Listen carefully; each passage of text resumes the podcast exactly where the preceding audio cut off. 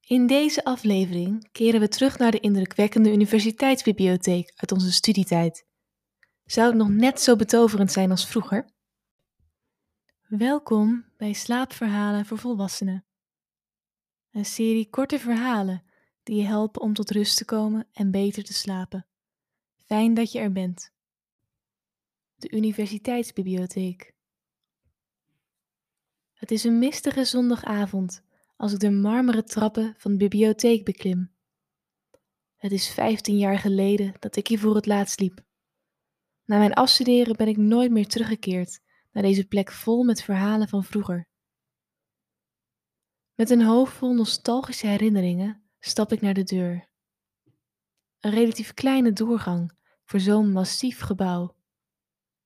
Ik wil mijn hand net op de koperen klink leggen als ik merk dat de deur op een kier staat. Met een zachte duw open ik de deur en laat ik hem achter me in het slot vallen. Mijn ogen moeten even wennen aan de heldere, warmgouden gloed in de ontvangstruimte. Links van me staat de robuuste houten tafel die vroeger dienst deed als balie. Ik merk op dat deze inmiddels van functie veranderd is. Er liggen talloze kleurrijke flyers op uitgestald. Allemaal proberen ze de lezer te overtuigen lid te worden van een of andere commissie of club. Ik besluit verder te lopen. Onder de marmeren boog door die de ontvangstruimte en de leeszaal van elkaar scheidt. Mijn adem stokt als ik de drie schitterende kroonluchters zie, behangen met talloze kleine kristallen. Sommige dingen veranderen nooit.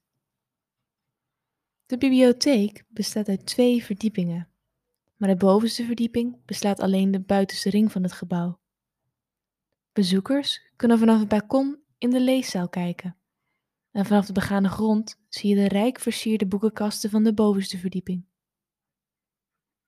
Ik haal diep adem en ruik de bekende geur van oude boeken en donker hout. Deze plek heeft in haar 200 jaar een belangrijke rol gespeeld in de geschiedenis van de universiteit. De schilderijen aan de muur hebben in die periode veel zien gebeuren in het leven van de studenten, van eerste liefdes tot oorlog.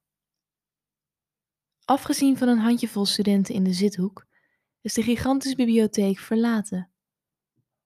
Toch voelt het alsof mijn vrienden uit lang vervlogen tijden elk moment kunnen opduiken uit een van de vele nissen.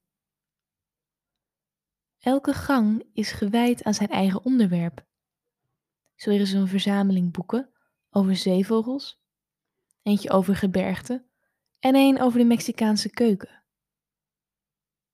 Ik ken het indrukwekkende gangenstelsel op mijn duimpje. Niet alleen vanuit mijn eigen studietijd, maar ook omdat mijn oom Benjamin me hier als kind altijd mee naartoe nam, als mijn ouders verre reizen maakten voor hun werk.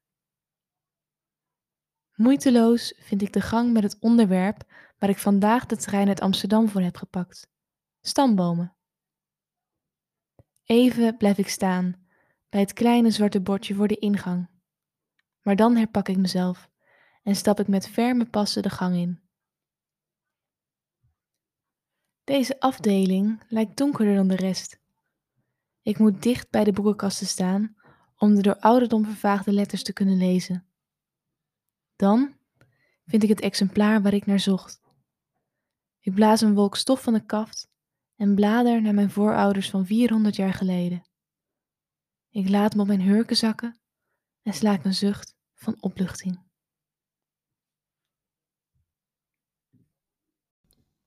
Dit was Slaapverhalen voor Volwassenen. Bedankt voor het luisteren en slaap lekker.